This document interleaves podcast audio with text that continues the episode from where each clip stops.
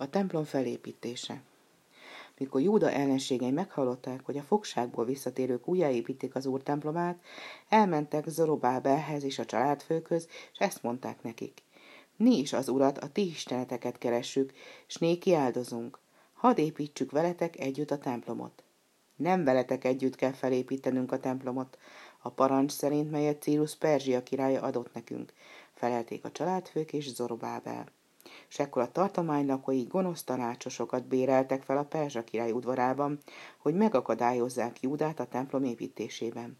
Mikor pedig Ahasvérius foglalta el Perzsa királyi széket, Júda ellenségei levelet írtak az új királynak, amelyben ez állt. Tudtára adjuk a királynak, hogy a zsidók, akik feljöttek tőled hozzánk Jeruzsálembe, újra felépítik az úr templomát, sőt, a lázadó és engedetlen város falait is. Ha pedig mindez felépül, a királynak vámot nem fizetnek, adóit visszatartják, igen megkárosítják, sőt, elveszíti emiatt a Jordánon inneni birtokát. A király kárát elnéznünk nem illő, és ezért írtuk levelünket.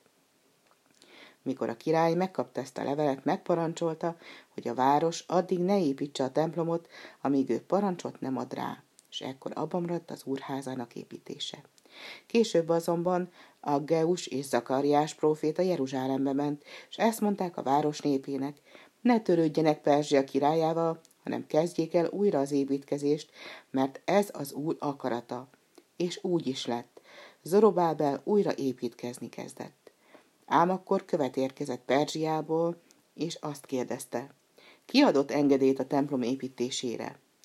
De az úr nem engedte, hogy a követ megakadályozza a templom építését.